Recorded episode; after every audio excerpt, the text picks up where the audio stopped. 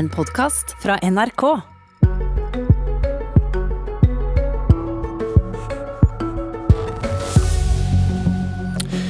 Det du skal få høre nå vil kanskje føles som forsøk på et tvangsekteskap. Både fra den motvillige brudgommen Arild Hermstad fra MDG, og for like motvillige Høyre. Tina Brud kommer ikke engang til seremonien. Men her sitter han som likevel vil forsøke. Lykke til. Og det er deg, velkommen til Politisk kvarter, Terje Åsmundsen. Eh, du har en fortid i Høyre. Eh, nå er du administrerende direktør i Empower New Energy, som er investerer i fornybar energi i utviklingsland. Og Høyre og MDG må finne sammen, skriver du. Hvorfor må de det? Jeg mener at eh, Hvis du ser på det som skjer i Europa i dag, og ser hvem er som er drivkraften for den utrolig viktige grønne dealen som drives frem gjennom EU-samarbeidet, så er det veldig ofte når du begynner å se på det, så er det en allianse mellom kristelig-demokratiske, konservative, borgerlige politikere på den ene side og pragmatiske grønne politikere og representanter for de grønne partiene. Det gjelder situasjonen i en rekke delstater i Tyskland, det gjelder situasjonen i Nederland, det gjelder situasjonen i Østerrike, men også i Frankrike og andre steder. Og Det er ikke unaturlig at det er slik. Fordi konservative politikere vokste opp med en grunnholdning at man har et ansvar for å overføre det man har arvet i en situasjon til etterkommeren i en bedre tilstand. Det er et, et, noe som ligger veldig instinkt, som, som sikkert dypt hos konservative politikere. Samtidig har borgerlige politikere en genuin interesse av å ta i bruk markedet for å løse globale eller sentrale problemstillinger som klima- og miljøutfordringene er. Og Det vi ser hos De grønne, det er at hvis de stedene der de har valgt å samarbeide med politikere som har denne grunninnholdningen, så har de skapt resultater. Det, det, mener jeg også burde være en naturlig inngang for en diskusjon i Norge, nemlig at grønne, konservative politikere har et naturlig utgangspunkt for å samarbeide om å løse disse problemene. Hva er forklaringen din på at du ikke ser dette i Norge nå, da? For det første må jeg jo si at i lys av den situasjonen verden er i, så er det fryktelig skuffende det vi fikk vite om arbeidet i Stortinget i går. Her har vi altså en situasjon hvor Arbeiderpartiet har gjort seg avhengig av et regjeringssamarbeid hvor Senterpartiet skal sette mye av premissen og sier klart fra at de ikke vil være med i en regjering som nettopp gjennomføre den økningen av karbonskatten som kreves. Og på den andre siden så har Høyre da valgt å, å samarbeide med Fremskrittspartiet om en rekke spørsmål innenfor klima- og miljøpolitikken. Men Hva er forklaringen din på at MDG og Høyre i Norge ikke finner sammen, som du ser spora i Europa? Nei, Det er sikkert mange grunner til det. Er sikkert, også MDG i Norge sikkert, eh, kommer sikkert med en del utspill som kanskje ikke er så strategisk kloke i det lange løp. Eh, men, det, men det viktigste grunnen til at det er slik i Norge, jeg tror jeg skyldes at politikere har et litt for fastlåst syn på hvor de store politiske skillelinjene går. Eh, og at man, holder, man, er, man, er, kanskje litt redd for å slippe, slippe løs på tanken om at utfordringen nå krever en annen form for samarbeid. Og så er det klart at Norge er en særstilling gjennom vår oljevirksomheten. og Det setter, det kan vi komme tilbake til, men det er klart at uh, oljevirksomheten, olje- og gassvirksomheten gjør at uh, en del problemstillinger blir annerledes i Norge enn de er i en rekke andre land. Du skriver at de bør, altså som et argument for at de bør vende seg fra Arbeiderpartiet, er at Arbeiderpartiet ble presset av Senterpartiet bl.a. til å delvis skjerme pumpeprisen, da, eh, som et eksempel på at de kanskje bør snu seg mot Høyre. Men hva var det Høyre sa? De vil også skjerme pumpeprisen. Ja, og det er jo det du sier. Så poenget er jo at nå, i den, stasjonen vi er nå, så leter man over hele verden etter gode rollemodeller for hvordan man kan drive denne omstillingen frem. Og Da kom regjeringen med en usedvanlig viktig initiativ gjennom klimameldingen, hvor det ble internasjonalt ble merke til at den norske regjeringen flagget en ambisjon om en opptrapping av karbonskatten til 2000 kroner innen 2030. Og En rekke land ble det referert til som noe man ønsket, og et eksempel man ønsker å følge etter. Så kom altså Stortinget, behandlingen i Stortinget, og så viser det seg at det er så mange komitémerknader og, og, og, og kommentarer som gjør at det er fryktelig vanskelig for næringslivet å vite hva som skal bli resultatet. Det er vanskelig også for, for velgerne. I denne situasjonen så valgte altså da både Høyre og Arbeiderpartiet kan det se ut som jeg, skal, jeg kjenner ikke detaljer, men det kan se ut som de la mer vekt på å holde en dialog med sine samarbeidspartiene på høyre og venstre side, istedenfor å danne grunnlag for en bredere løsning som kunne skapt langsiktig stabilitet og oppslutningen om en omstilling på dette området. Ok, Høyre og MDG må finne sammen. Eh, selskapet ditt driver med fornybar energi, og der en av investorene er den norske stat. Eh, hva slags konsekvenser kan det få for Empower New Energy hvis feil partier får styre norsk politikk? Nei, det har ingen, ingen betydning, heldigvis. Vi er, og, vi har, vi, er du ikke avhengig av partier og en regjering som nei, ønsker å gi penger til selskapet ditt? Det viktigste, vi har De fleste investorene i vårt selskap er private investorer, og så er vi så heldige at vi også har uh, Norfund, som er et uh, profesjonelt forvaltet investeringsselskap som også har investert. Men uh, vårt, vår virksomhet er forankret i dyp, grunnleggende både økonomiske og bærekraftsmessige prinsipper, så det er ingen påvirkning på hvem som sitter med regjeringsmakten. Men det ville kanskje forsvunnet noen penger hvis det var partier du ikke var helt enig med som kom til makta, eller? Nei, det har jeg overhodet ikke. Den tanken okay. har ikke slått meg engang. Nei. Okay, okay. Nei. Men et relevant spørsmål å stille, kanskje? Jeg vil overraske meg at du stiller spørsmål. Ja. Du, eh, vi nevnte Tina Bru, nestleder i Høyre. Hun ville gjerne komme hit i dag, men har gyldig fravær. Hun ble forhindret. Arild Hermstad, nestleder i MDG, velkommen. Takk for det. Hvor mange minutter av landsmøtet har dere satt av til å snakke om mulig samarbeid med Høyre? Nå er det sånn, Vi kommer ikke til å snakke så veldig mye på landsmøtet om samarbeid med noen av partiene. fordi eh, Vi skal vedta et program, eh, og da blir vi litt opptatt av oss sjøl og hva vi skal mene sjøl. Så kommer vi til å diskutere sannsynligvis senere på våren, på landsstyremøter og den type ting, ganske mye om samarbeidsformer med frem mot regjeringen. Men vi har, jo, vi har jo konkludert med at eh, denne gangen så ønsker vi å snakke med Arbeiderpartiet og SV først. og det er jeg deler jo egentlig analysen til Osmundsen, at eh, den store skillelinjen i politikken eh, Vi snakker alltid om de røde og de blå partiene, men jeg tror vi skal begynne å snakke mye mer om de grønne partiene versus de grå partiene, og at det er det som kommer til å være den viktigste skillelinjen fremover. Så Det valget vi har gjort nå for høsten, det, det er et midlertidig valg. Men vi ser altså ikke så veldig mye håp i å samarbeide mot Høyre og Frp. Men hva svarer du på ønsket hans? Høyre pluss MDG?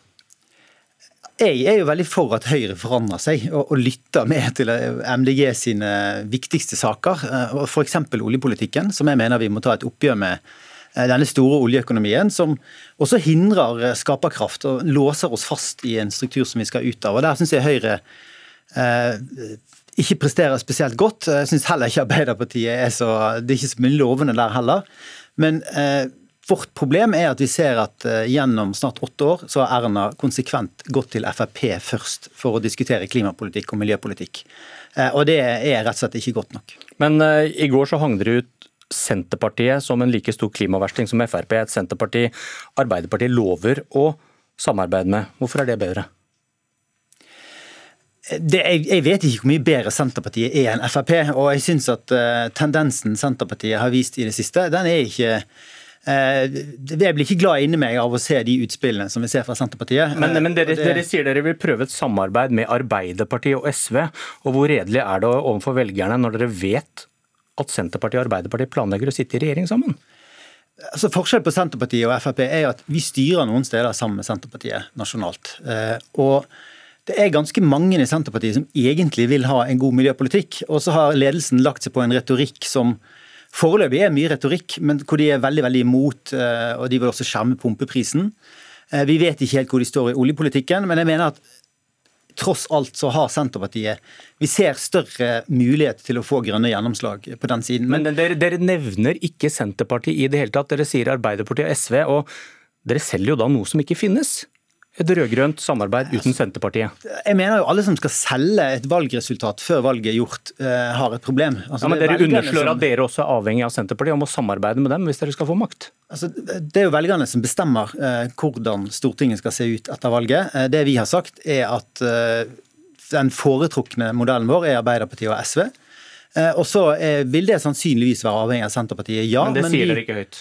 Nei, vi sier det relativt høyt. Problemet med forskjellen er at vi vi lukker i utgangspunktet alle dører for å snakke med Senterpartiet. Hvis de kan gi oss gjennomslag på våre viktige miljøsaker, eh, så mener vi at det er mulig. Vi mener det er umulig hvis vi skal snakke med Frp og Listhaug. Og Det er der jeg mener at analysen til Osmundsen er viktig. for det at det vi ser med de konservative partiene i Europa som samarbeider med De grønne, er jo at de samarbeider ikke samtidig med et populistisk parti langt ut på høyresiden, eller i hvert fall et godt stykke ut på høyresiden. Åsmundsen, du fikk ikke umiddelbart støtte til konklusjonen din? nei, men altså, jeg, jeg, jeg, jeg, tror vi er ikke så uenige i analysen. Man må gjøre et valg. Men jeg tror det første rekke det handler om at politikerne i de store partiene må ta lederskap. Det er kanskje blitt slik at vi velger å se på klimapolitikken som litt sånn politisk korrekthet, som noe vi skal gjøre fordi vi må i forhold til EU eller internasjonale forpliktelser. Men det som er situasjonen, det er jo at alle som har gått inn i dette, enten det nå er eh, leder for verdens største investeringsfond, det er ledende vitenskapsmenn, det er pave Frans, det er uansett hvem det er som ulike ståsteder. Når de går inn i vitenskapen, så ser de at den balansen i samfunnet som vi som konservative alltid er opptatt av å ta vare på, den er truet når millioner av mennesker kommer på flukt fra områdene i Afrika og Asia fordi at deres matproduksjon blir svekket, fordi det blir mer flommer. Og dette er Så vidt begynte vi å se allerede, men vitenskapen er veldig klar. Om 30 år så blir dette et kjempeproblem for Europa. Og de som er opptatt av å ta vare på den, vår samfunnsmodell og ikke utsette den for dramatiske sjokk som følge av fremtidige klima- og miljøendringer, de burde sette dette øverst på dagsordenen. Og de burde kommunisere det til sine medlemmer. Når det så gjelder oljepolitikken, så vil jeg bare legge til en ting. og det er at Jeg er enig i at det er en kjempenøtt. Men jeg tror det ligger en liten åpning her. Altså Jeg la merke til at i Høyres programkomité så var det et mindretall som gikk inn for å fjerne skattefordelene til oljeselskapene. Og Hvis man gjorde, hvis man gjorde det, så tror jeg at man kunne overlate oljeselskapene til å fase ut denne virksomheten mer eller mindre seg selv. Vi rekker et ja-nei-spørsmål til slutt, Hermstad. Kan MDG støtte en regjering som fortsetter å lete etter olje? Jeg tror svaret vi kommer til å lande på på det, er nok nei. Og der er det, er det mange andre land. Det, det, får vi komme tilbake til. Men det er mange land som faktisk har gjort det og sagt at de har sluttet med oljeleting. og Det gjelder også europeiske land. Så det kan vi fint gjøre. Ok, Takk skal dere ha. Lykke til med landsmøtet. Lykke til med forsøket ditt, Åsmundsen. Vi skal ha et uh, raskt skjeneskifte og en uh, smittevask. Så kommer Lars Nehru Sand og setter seg straks ned. Uh, og politisk kommentator i NRK som kjent, hvordan vurderer du sjansene for at Åsmundsen får viljen sin? Det er langt unna frem til eh, høstens eh, valg og etterdønningene fra det. Eh, det som må skje for at det skal til, er jo at MDG eventuelt er like sure på den rød-grønne regjeringen etter at den da har sittet noen år, som de, være, som de nå er på dagens regjering, og at Høyre er veldig på let etter nye samarbeidspartnere hvis Frp i 2025 ikke ønsker å, å, gå inn i noen ny maktkonstellasjon, og KrF og Venstre er, er veldig små over veldig lang tid da, og ikke ser ut til å komme inn igjen på Stortinget med en større gruppe, f.eks. Vi hørte i går Une Bastholm, partilederen, nærmest true Jonas Gahr Støre om at hvis ikke du er klimavennlig nok, så snur jeg meg og så går jeg til Erna Solberg. Har, har MDG en blokkuavhengighet til å tro på? Både ja og nei. I nasjonal politikk så har du ikke hatt det. Så kan de si at det skyldes ikke bare MDG, det skyldes også at Høyre har eh, vært avhengig av Frp for å få flertall, f.eks. Eh, de kan vise til en del lokale eksempler hvor de samarbeider begge sider. Eh, men hvis du ser på partiets økonomiske politikk, også det de skal snakke om i helgen, eh, så tar de absolutt ikke noen steg nærmere Høyre i det hele tatt. Man skal snakke om arveavgift som man vil innføre, man skal snakke om eiendomsskatt som man vil styrke muligheten for, eh, og man snakker om en veldig progressiv beskatning hvor de rike skal skattes mer. Eh, så det er jo ikke ah, noe som nødvendigvis kan legges opp på Høyres partiprogram i det hele tatt.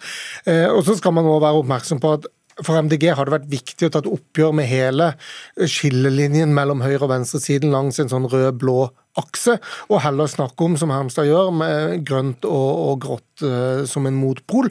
Hvor man da oppnår nettopp det Hermstad gjør i, i denne sendingen også, og si at Senterpartiet og Frp er ikke så forskjellige, hvis man ser det på hans måte. Vi snakket om Europa og samarbeid mellom partier der. Hva, hva skjer med MDGs forhold til EU?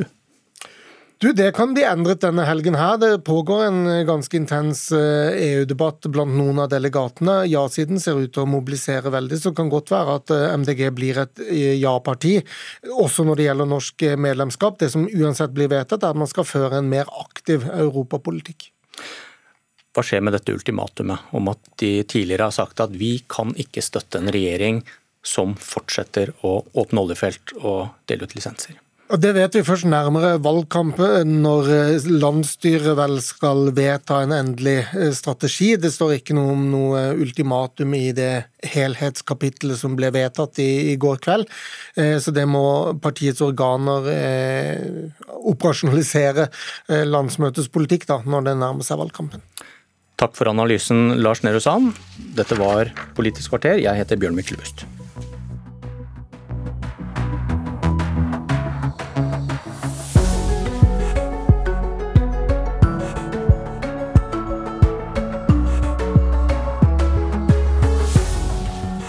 Du har hørt en podkast fra NRK. Hør flere podkaster og din NRK-kanal i appen NRK Radio.